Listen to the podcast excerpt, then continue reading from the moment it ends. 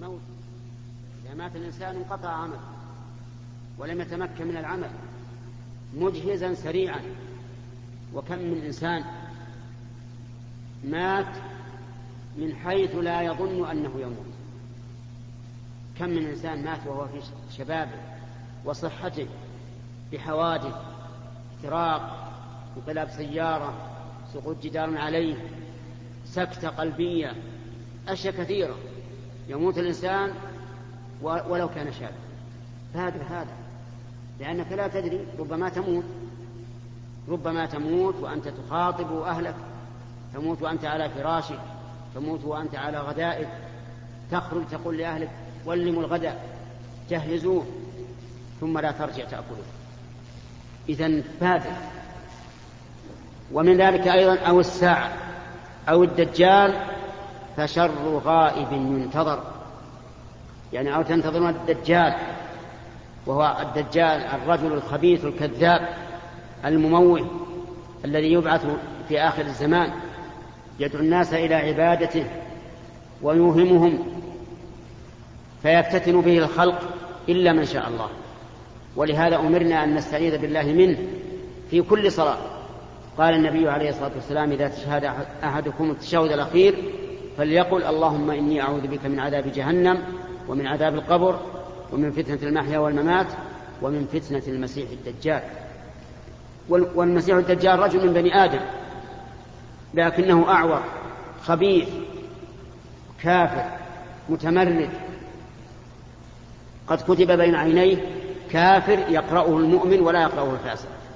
الكافر لا يقرأه يقرأه المؤمن ولا يقرأه الكافر حتى لو كان الكافر قارئا فإنه لا يقرأه. والمؤمن يقرأه وإن كان غير قارئ آية من آيات الله عز وجل. هذا يدعو الناس إلى إلى عبادته. يقول أنا رب. فإن أطاعوه أدخلهم الجنة. وإن عصوا أدخلهم النار. لكن ما هي جنته؟ قال النبي عليه الصلاة والسلام جنته نار. ونار جنة. لكن يوهم للناس أن هذا الذي أدخله أن هذا الذي أدخله من أطاعه جنة وهي نار. وأنه إذا عصى أحد أدخله في النار والنار هذه جنة ماء عذب طيب جنة. كذلك يأتي إلى القوم البادية. يأتي إليهم ممحلين ليس في ضروع مواشيهم لبن ولا في أرضهم نبات. فيدعوه يقول أنا ربكم فيستجيبون له. فيأمر السماء فتمطر. يقول للسماء أمطري فتمطر. ويأمر الأرض فتنبت. يقول للأرض أنبتي أيتها الأرض فتنبت. فيصبحون على أخصب ما يكون. ترجع إليهم مواشيهم أسبغ ما يكون ضروعا ضروعهم مملوءة وأطول ما يكون ذرى أسنمتها رفيعة من الشبع والسمن. فيبقون على عبادته لكنهم ربحوا في الدنيا وخسروا الدنيا والآخرة والعياذ بالله حيث اتخذوه ربا من دون الله. فالدجال يقول الرسول صلى الله عليه وآله وسلم إنه شر غائب ينتظر. أعاذنا الله وإياكم من فتنته. قال أو الساعة وهي السابعة يعني أو تنتظرون الساعة يعني قيام الساعة فالساعة أدهى وأمر يعني أشد داهية وأمر مذاقا. قال الله تبارك وتعالى بل الساعة موعدهم والساعة أدهى وأمر. والحاصل أن الإنسان لن يخرج عن هذه السبعة. وهذه السبعة كلها تعيقه عن العمل فعليه أن يبادر.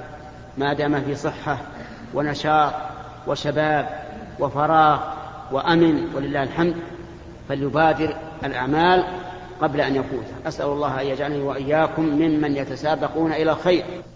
قال رحمه الله تعالى باب استحباب زيارة القبور للرجال وما يقوله الزائر. عن بريدة رضي الله عنه قال قال رسول الله صلى الله عليه وسلم كنت نهيتكم عن زيارة القبور فزوروها رواه مسلم. وفي رواية فمن أراد أن يزور القبور فليزر فليزر فإنها تذكرنا الآخرة. وعن عائشة رضي الله عنها قالت كان رسول الله صلى الله عليه وسلم كلما كان ليلة كلما كان ليلتها من رسول الله صلى الله عليه وسلم يخرج من آخر الليل إلى البقيع فيقول السلام عليكم دار قوم مؤمنين وأتاكم ما توعدون غدا مؤجلون وإنا إن شاء الله بكم لاحقون. اللهم اغفر لاهل, لأهل بقيع الغرقد رواه مسلم. قال المؤلف رحمه الله في كتاب رياض الصالحين باب زيارة القبور واستحبابها للرجال دون النساء. زيارة القبور يعني الخروج الخروج إليها امتثالا بل اتباعا لرسول الله صلى الله عليه وآله وسلم. والقبور هي دور الأموات. وذلك أن الإنسان له أربعة دور. الدار الأولى في بطن أمه والثانية الدنيا والثالثة القبور والرابعة الآخرة. وهي المقر وهي النهاية والغاية. جعلنا الله وإياكم من الفائزين فيها. هذه الدور هذه الدار أعني دار القبور. كان النبي صلى الله عليه وآله وسلم نهى عن زيارتها. خوفا من الشرك بأهل القبور لأن الناس كانوا حديث عهد بجاهلية. فنهى عنها رسول الله صلى الله عليه وسلم سدا لذرائع الشرك لأن الشرك لما كان أمره عظيما سد النبي صلى الله عليه وسلم كل ذريعة وكل باب يوصل إلى الشرك. وكلما كانت المعصية عظيمة كان وسا... كانت وسائلها أشد منعا. الزنا مثلا فاحشة وسائله من النظر والخلوة وما أشبه ذلك محرمة. الشرك أعظم الظلم. كما سئل النبي صلى الله عليه وسلم أي الذنب أعظم؟ قال أن تجعل لله ندا وهو خلقك. فكانوا يعظمون القبور. فنهاهم النبي صلى الله عليه وسلم عن ذلك. فلما استقر الإيمان في قلوبهم أذن لهم. فقال كنت نهيتكم عن زيارة القبور فزوروها فإنها تذكر فإنها تذكر الآخرة. فرفع النبي صلى الله عليه وسلم النهي وأباح الزيارة بل رغب فيها لقوله فإنها تذكر الآخرة. والذي يذكر الآخرة ينبغي للإنسان أن أن يعمل به لأن القلب إذا نسي الآخرة غفل غفل واشتغل بالدنيا وأضاع الدنيا والآخرة لأن من أضاع الآخرة فقد أضاع الدنيا والآخرة. فينبغي أن يزورها. ولكن يزور القبور لنفعها أو للانتفاع بها. الأول لنفعها. ليدعوهم ليدعو لهم ليدعو لهم لا ليدعوهم. فيخرج ويسلم على القبور كما فعل النبي صلى الله عليه وسلم. وقالت عائشة إن النبي صلى الله عليه وسلم كان إذا كان عندها خرج من آخر الليل فسلم على أهل, على أهل البقيع. وقال السلام عليكم دار قوم مؤمنين وإنا بكم لاحقون غدا مؤجلون إلى آخر الحديث. ثم يقول اللهم اغفر لأهل بقيع الغرقد. بقيع الغرقد هو مقبرة أهل المدينة. وهذه الدعوة يرجى أن تشمل من كان من أهل بقيع الغرقد إلى يوم القيامة. ويحتمل أن يراد بهم أهل بقيع الغرقد الذين كانوا أهله في عهد الرسول عليه الصلاة والسلام فقط. فلا يشمل من يأتي بعدهم. ولكن من كان من أهل الرحمة فهو من أهل الرحمة سواء حصلت له هذه الدعوة أم لم تحصل. ومن كان من أهل الشقاء فإنه لا لا تشمله هذه الدعوة ولا ينتفع بها. المهم أن الإنسان ينبغي له أن يزور القبور في كل وقت في الليل في النهار في الصباح في المساء في يوم الجمعة في غير يوم الجمعة ما له وقت محدد.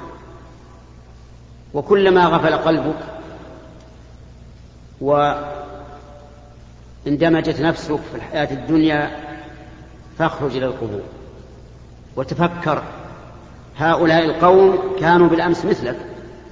على الأرض يأكلون يشربون يتمتعون والآن أين ذهبوا؟ صاروا الآن مرتهنين بأعمالهم لا لم ينفعهم إلا عملهم كما أخبر بذلك النبي عليه الصلاة والسلام أنه يتبع الميت ثلاثة ماله وأهله وعمله فيرجع اثنان ويبقى واحد يرجع المال والأهل ويبقى العمل ففكر في هؤلاء القوم. ثم سلم عليه السلام عليكم دار قوم مؤمنين. والظاهر والله أعلم أنهم يردون السلام لأنه يسلم عليهم بصيغة الخطاب. السلام عليكم. ويحتمل أن يراد بذلك السلام مجرد مجرد الدعاء فقط سواء سمعوا أم لم يسمعوا أجابوا أم لم يجيبوا. فعلى كل حال هو الإنسان يدعو لهم ويقول مقررا المصير الحتمي وإنا إن شاء الله بكم لاحقون. إن شاء الله هذه تعود إلى وقت اللحوق. وليس إلى اللحوق لأن اللحوق متيقن والمتيقن لا يقيد بالمشيئة لكن تعود إلى وقت اللحوق لأن كل واحد منا لا يدري متى يلحق. فيكون معنى قوله وإنا إن شاء الله بكم لاحقون أي وإنا متى شاء الله بكم لاحقون. كقوله تعالى كلا لما يقضي ما, أنش ما أمره ثم إذا شاء أنشره كلا لما يقضي ما أمره. ثم يدعو لهم. يدعو لهم بالدعاء الذي جاءت به السنة فإن لم يعرف شيئا منه دعا بما تيسر. اللهم اغفر لهم اللهم ارحمهم اللهم لا تحرمنا أجرهم ولا تفتنا بعدهم واغفر لنا ولهم ثم ينصرف. هكذا كان الرسول عليه الصلاة والسلام يزور المقبرة. وأما ما يفعله بعض الجهال من البقاء هناك والتمرغ على التراب والطواف بالقبر وما أشبه ذلك فكله أمر منكر وبدعة محظورة. فإن اعتقد أن هؤلاء الأموات ينفعون أو يضرون كان مشركا والعياذ بالله خارجا عن الإسلام لأن هؤلاء الأموات لا ينفعون ولا يضرون لا يستطيعون أن يدعون لك ولا يشفعون لك إلا بإذن الله. وليس هذا وقت الشفاعة أيضا. وقت الشفاعة يوم القيامة. فلا تنفعهم. لا ينفعك شيء منهم إذا دعوتهم أو سألتهم الشفاعة أو ما أشبه ذلك. والواجب على إخواننا الذين يوجد هذا في بلادهم الواجب عليهم أن ينصحوا هؤلاء الجهال وأن يبينوا لهم أن الأموات لا ينفعونهم.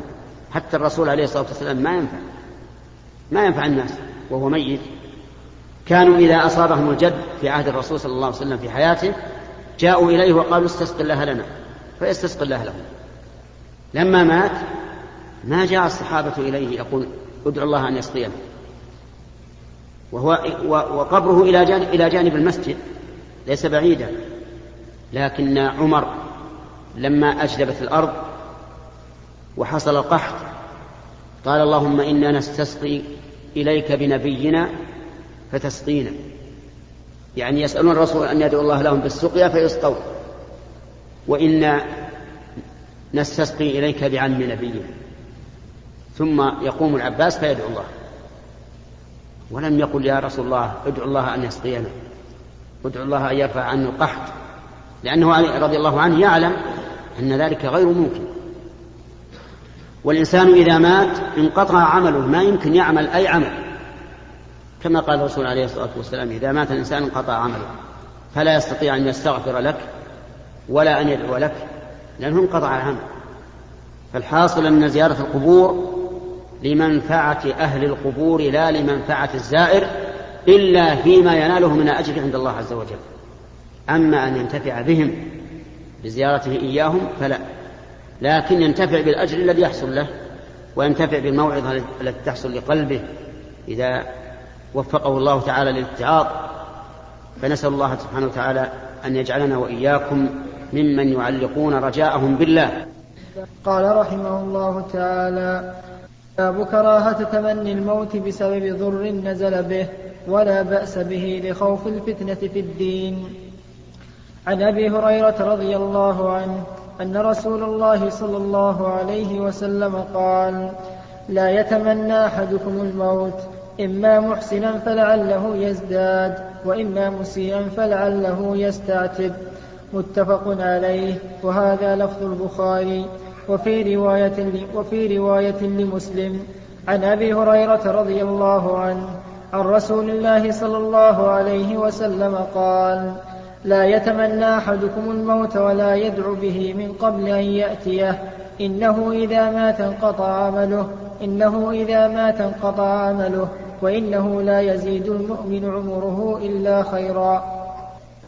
قال المؤلف رحمه الله تعالى باب كراهية الموت لضر نزل به يعني من مرض أو نحوه وأما إذا كان لخوف فتنة في الدين فلا بأس به. هكذا قال المؤلف في الأخير يعني أنه إذا كان يخشى على نفسه فتنة في الدين فلا بأس أن يتمنى الموت. وسيأتي الكلام عليه إن شاء الله في الأحاديث. أما الأول فما قاله المؤلف صحيح أن الإنسان إذا نزل به الضر فلا يتمنى الموت فإن هذا خطأ سفه في العقل وضلال في الدين. أما أما كونه سفها في العقل فلأن الإنسان إذا بقي في حياته فإما محسنا فيزداد. وإما مسيئا فيستعتب ويتوب إلى الله عز وجل. وكونه يموت لا يدري فلعله يموت على أسوأ خاتمة والعياذ بالله. لهذا نقول لا تفعل. هذا سفه في العقل. أما كونه ضلالا في الدين فلأنه ارتكاب لما نهى عنه النبي صلى الله عليه وآله وسلم. ولهذا قال عليه الصلاة والسلام لا يتمنى أحدكم الموت. والنهي هنا للتحريم لأن التمني الموت فيه شيء من عدم الرضا بقضاء الله. والمؤمن يجب عليه الصبر إذا أصابته الضراء. يصبر فإذا صبر على الضراء نال شيئين مهمين. الأول تكفير الخطايا فإن الإنسان لا يصيبه هم ولا غم ولا أذى ولا شيء إلا كفر الله به عنه حتى الشوكة يشاكها. الشوكة إذا بطت الإنسان فإنه يكفر بها عنه. الثاني إذا وفق الاحتساب لاحتساب الأجر من الله وصبر يبتغي بذلك وجه الله فإنه يثاب. وقد قال الله تعالى إنما يوفى الصابرون أجرهم بغير حساب. أما كونه يتمنى الموت فمعناه فهذا يدل على أنه غير صابر على ما قضى الله عز وجل. ولا راض به. وبين الرسول عليه الصلاة والسلام أنه إما أن يكون من المحسنين. فيزداد في بقاء حياته. يزداد عملا يزداد عملا صالحا. ومن المعلوم أن التسبيحة الواحدة في صحيفة الإنسان خير من الدنيا وما فيها. تسبيحة الواحدة. لأن الدنيا وما فيها تذهب وتزول والتسبيح والعمل الصالح يبقى. قال الله عز وجل المال والبنون زينة الحياة الدنيا والباقيات الصالحات خير عند ربك ثوابا وخير أملا. فأنت إذا بقيت ولو على أذى ولو على ضرر فإنك ربما تزداد حسنات. وإما مسيئا يعني قد عمل عملا سيئا فلعله يستعتب. يعني يطلب من الله العتبة أي الرضا والعذر فيموت وقد تاب من سيئاته من سيئاته. فلا تتمنى الموت لأن الأمر كله مقت وربما يكون في بقائك خير لك أو, أو لك ولغيرك. فلا تتمنى الموت. اصبر واحتسب ودوام الحال من المحال. والله موفق. نقل المؤلف رحمه الله تعالى عن أنس رضي الله عنه قال قال رسول الله صلى الله عليه وسلم لا يتمنين أحدكم الموت لضر أصابه فإن كان لا بد فاعلا فليقل اللهم أحيني ما كانت الحياة خيرا لي وتوفني إذا كانت الوفاة خيرا لي. متفق عليه. وعن قيس بن أبي حازم قال دخلنا على خباب بن الأرت رضي الله عنه نعوده وقد اكتوى سبع كيات فقال إن أصحابنا الذين سلفوا مضوا ولم تنقصهم الدنيا وإنا أصبنا ما لا نجد له موضعا إلا التراب. ولولا أن النبي صلى الله عليه وسلم نهانا أن ندعو بالموت لدعوت به ثم أتيناه مرة أخرى وهو يبني حائطا له فقال إن المسلم إن المسلم ليؤجر في كل شيء إن المسلم ليؤجر في كل شيء ينفقه. إلا في شيء يجعله في هذا التراب متفق عليه. وهذا لفظ رواية البخاري. بسم الله الرحمن الرحيم. قال المؤلف رحمه الله تعالى في كتاب رياض الصالحين في كراهة تمني الموت لضر نزل به إلا أن يكون لفتنة في الدين. قال عن أنس بن مالك رضي الله عنه أن النبي صلى الله عليه وسلم قال لا يتمنين أحد أحدكم الموت لضر نزل به. مثل أن يصاب الإنسان بمرض شديد أو بفقر شديد أو بدين متعب أو ما أشبه ذلك فيقول اللهم أمتني حتى أستريح من هذه الدنيا فإن هذا حرام ولا يجوز لأنه لو مات فإنه لن يستريح. ربما ينتقل من عذاب الدنيا إلى عذاب إلى عذاب في الآخرة أشد وأشد. ولهذا نهى النبي عليه الصلاة والسلام عن تمني الموت للضر الذي ينزل بك. ولكن قابل هذه المصائب بالصبر والاحتساب وانتظار الفرج واعلم أن دوام الحال من المحال. والله عز وجل يقدر الليل والنهار ويخلف الأمور على وجه لا يحتسبه الإنسان ولا يظنه. لأن الله إذا أراد شيئا فإنما يقول له كن فيكون. فلا تتمنى الموت لضر نزل بك أما ما يتعلق بفتنة الدين إذا افتتن الناس في دينهم أصابهم فتنة إما في زخارف الدنيا أو غيرها من الفتن أو أفكار فاسدة أو أو ديانات منحرفة أو ما أشبه ذلك فهذا أيضا لا يتمنى الإنسان الموت. ولكن يقول اللهم اقبضني إليك غير مفتون. فيسأل الله أن يثبته وأن يقبضه إليه غير مفتون. وإلا فليصبر لأنه ربما يكون بقاؤه مع هذه الفتن خيرا للمسلمين يدافع عنهم ويناضل. ويبي ويساعد المسلمين ويقوي ظهورهم. لكن يقول اللهم إن أردت بعبادك فتنة أو اللهم في هذه الفتنة اقبضني إليك غير مفتون.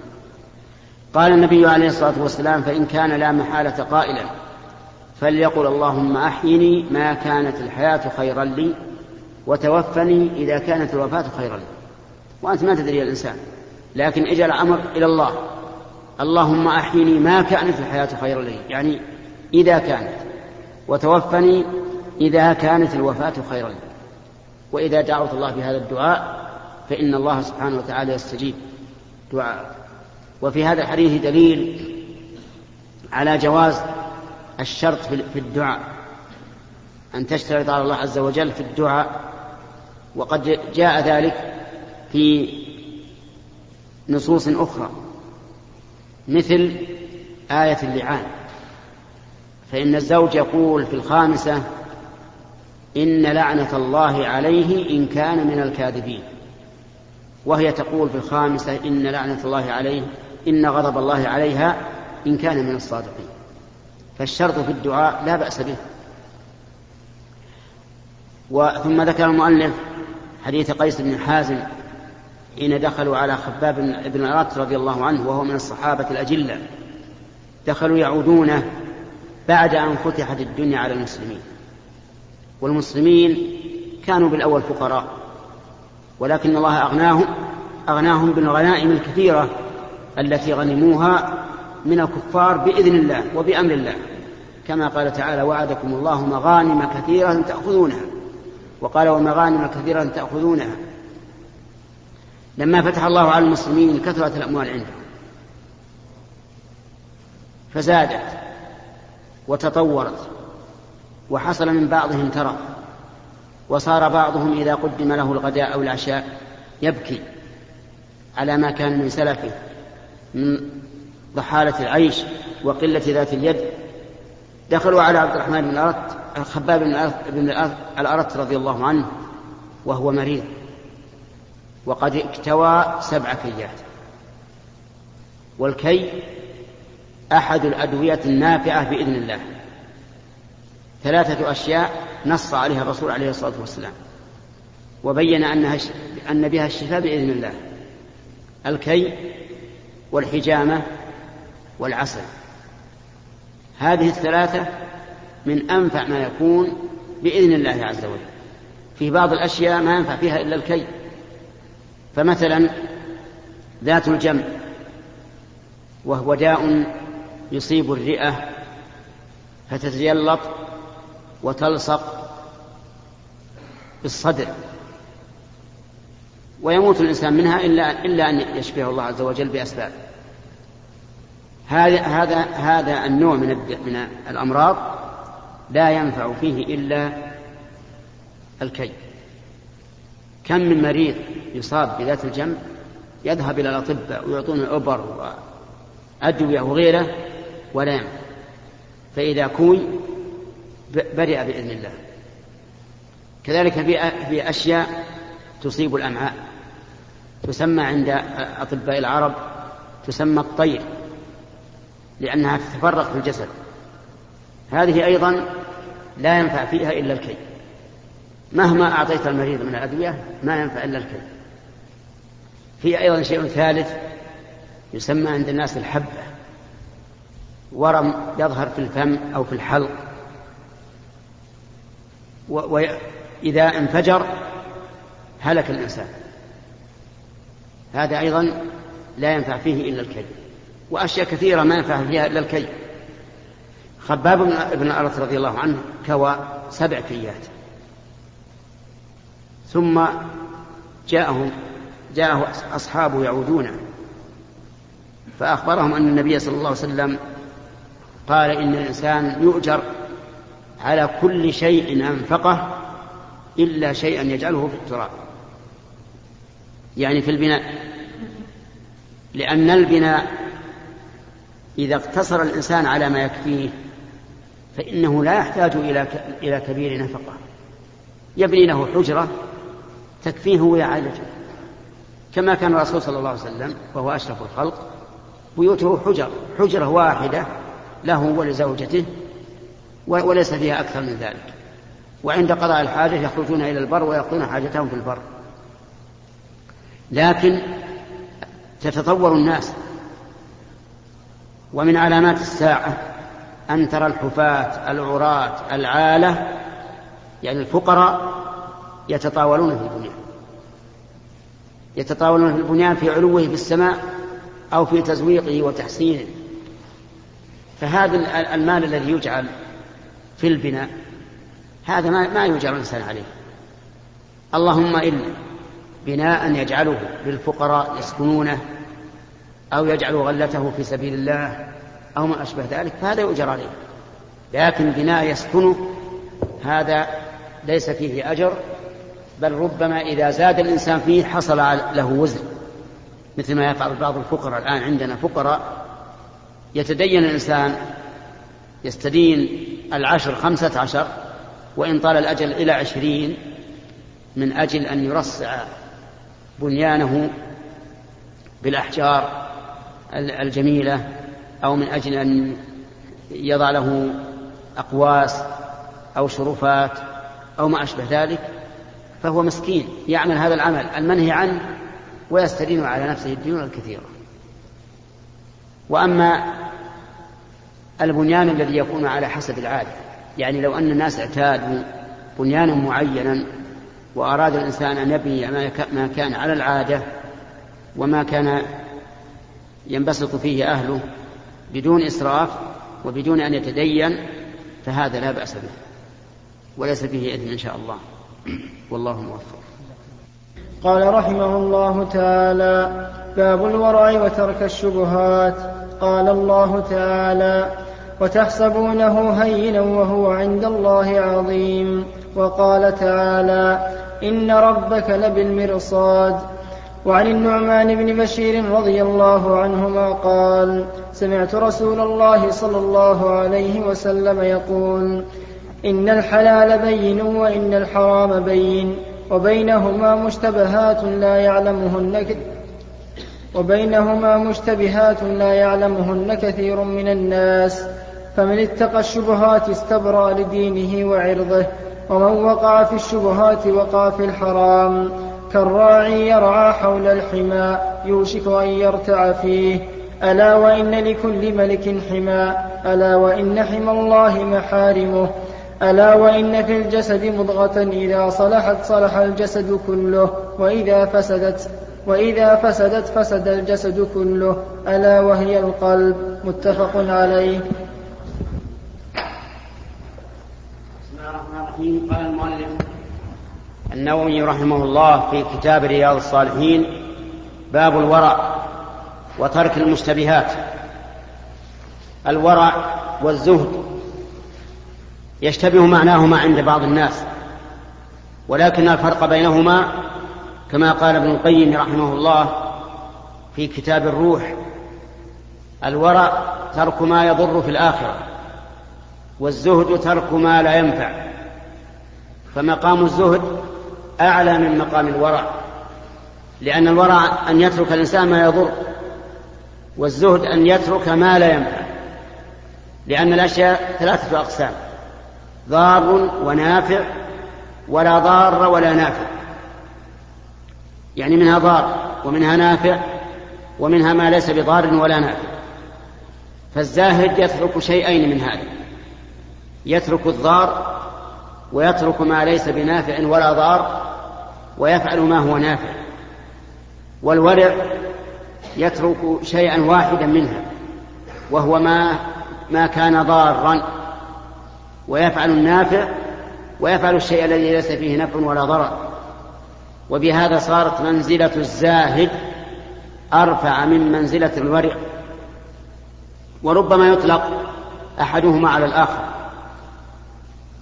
فالورع ترك ما يضر ومن ذلك ترك الأشياء المشتبهة المشتبهة في حكمها والمشتبهة في حقيقتها. فالأول اشتباه في الحكم والثاني اشتباه في الحال. فالإنسان الورع هو الذي إذا اشتبه الأمر عليه تركه. تركه إن كان اشتباها في تحريمه وفعله إن كان اشتباها في وجوبه لئلا يأثم بالترك. ثم إن المؤلف رحمه الله ذكر آيتين. على هذا الباب. قال رحمه الله قال رحمه الله وتحسبونه هينا وهو عند الله عظيم. تحسبونه الضمير يعود على ما تلقاه الناس من الحديث الإفك الكذب في حق أم المؤمنين عائشة رضي الله عنها. وذلك أن عائشة أم المؤمنين رضي الله عنها كانت زوج النبي صلى الله عليه وسلم. وكان المنافقون يتربصون بالنبي صلى الله عليه وسلم أن يشوهوا سمعته ويدنسوا عرضه. فحصلت غزوة من الغزوات فلما قفل النبي صلى الله عليه وآله وسلم راجعا منها نام في أثناء الطريق. وكانت نساء النبي صلى رحمك الله. وكانت نساء النبي صلى الله عليه وسلم لهن رجال يساعدون في ترحيلهن. فلما كان في آخر الليل ذهبت عائشة رضي الله عنها لقضاء حاجتها. فجاء الذين يحملون الهودج الذي تركب فيه فحملوه على البعير وشدوه على البعير. وظنوا أنها كانت فيه لأنها كانت في ذلك الوقت صغيرة السن خفيفة الوزن. ثم سار الركب. رجعت عائشة رضي الله عنها إلى المكان فوجدت الناس قد قد رحلوا. فكان من ذكائها وثبات جأشها. وطمأنينتها أن بقيت في المكان. ما ذهبت تتجول يمينا وشمالا لأنها لو ذهبت ربما ضاعت وضيعوها لكنها بقيت في مكانها. وكان رجل من خيار الصحابة يقال له صفوان بن المعطل نائما وكان من قوم إذا ناموا لم يستيقظوا إلا إذا شبعوا من النوم. لو توقظهم مهما كان ما استيقظ. فاستيقظ رضي الله عنه فوجد الناس قد رحلوا ورأى هذا الشبح هذا السواد فأقبل إليه. فإذا هي عائشة أم المؤمنين رضي الله عنها. وكان يعرفها قبل أن ينزل الحجاب. فماذا صنع هذا الرجل؟ هذا الرجل أناخ البعير ولم يتكلم بأي كلمة احتراما لفراش رسول الله صلى الله عليه وآله وسلم. لا يريد أن يتكلم مع زوجته في مثل هذا المكان. أناخ البعير ووضع رجله على ساق البعير وعضد البعير فركبت عائشة. فأخذ الزمام وجعل يقول البعير ليجعل ليجعل عائشة خلفه. فلما أقبل على القوم تكلم المنافقون. ورأوا أن هذه فرصة. وقالوا ما هم فيه كاذبون. قالوا في عائشة ما هم فيه كاذبون. امرأة في سفر مع رجل تتأخر عن القوم فصاروا يتكلمون في عرض عائشة وهم لا يريدون عرض عائشة لا تهمهم فتاة عند زوجها.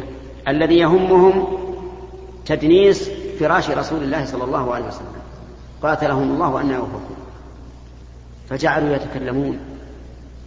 وكان من حكمة الله عز وجل أن عائشة لما قدموا المدينة مرضت وبقيت في البيت في بيته وكان النبي صلى الله عليه وسلم يدخل عليها ولم تر منه ما كانت تراه بالأول.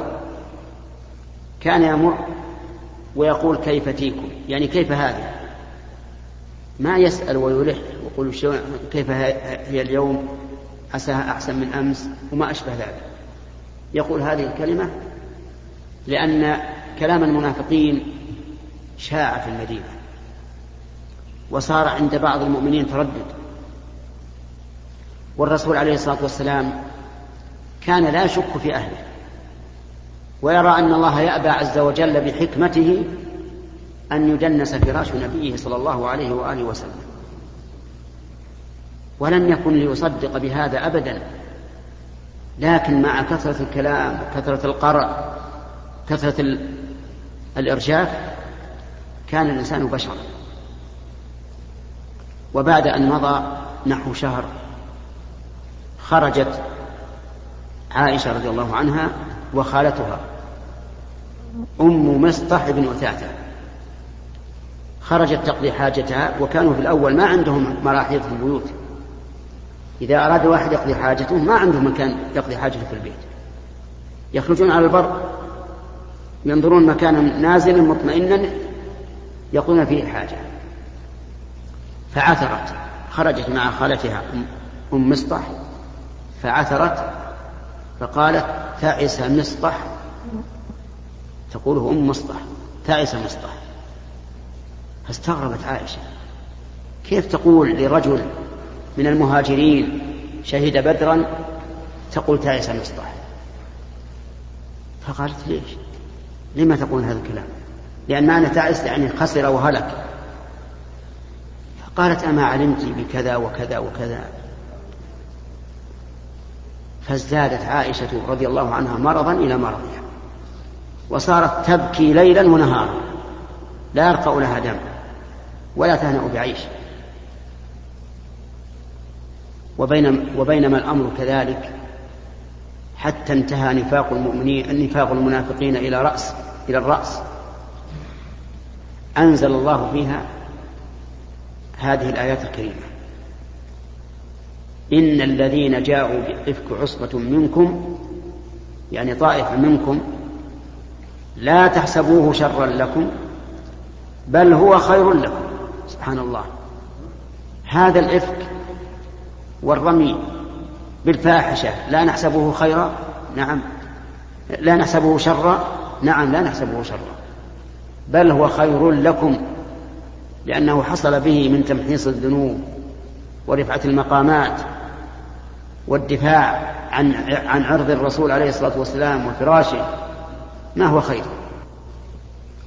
لكل امرئ منهم ما اكتسب من الإثم. كل واحد تكلم في هذا الأمر له ما اكتسب من الإثم والذي تولى كبره منهم له عذاب عظيم. أعظمهم الذي قاد هذه الفتنة هو أعظمهم والعياذ بالله. ثم ثم ساقت ساق الله الآيات إلى قوله إذ تلقونه بألسنتكم وتقولون بأفواهكم ما ليس لكم به علم وتحسبونه هينا وهو عند الله عظيم وكان الورع والتقى أن لا تتكلموا في هذا الأمر. من أين مصدره؟ من المنافقين. الذين هم أكذب عباد الله. المنافقون أكذب الناس ولهذا من علامات النفاق الكذب. استمعوا إلى قول الله عز وجل إذا جاءك المنافقون قالوا نشهد إنك لرسول الله. شهادة مؤكدة بإن واللام قال الله عز وجل والله يعلم إنك لرسول حق إنك رسول. والله يشهد إن المنافقين لكاذبون. شهادة بشهادة أيها أعظم. قولهم نشهد إنك لرسول الله أو قول الله يشهد والله يشهد إنهم لكاذبون. لا شك قول الله. فهو يشهد عز وجل إن المنافقين لكاذبون في قولهم نشهد إنك لرسول الله. هذا الخبر أو هذه الفاحشة التي أشيعت مصدرها من المنافقين. وعلى رأسهم عبد الله بن أبي بن سلول. لكنه الخبيث لا يتكلم صراحة. يأتي للناس يقولون ما سمعتم ما قيل في عائشة. قيل كذا وكذا. فيه أناس من من المؤمنين تكلموا بهذا صراحة. منهم مصطح بن أثاثة وحسان بن ثابت رضي الله عنه وحمنة بن جحش. تكلموا لأنهم بشر. أقسم أبو بكر رضي الله عنه أن لا ينفق على مصطح بن أثاثة مصطح بن أثاثة ما هو؟ ابن خالد. لكنه أقسم ألا ينفق عليه لأنه قال في ابنته بل قال في رسول الله صلى الله عليه وسلم ما لا يليق. فماذا قال الله عز وجل؟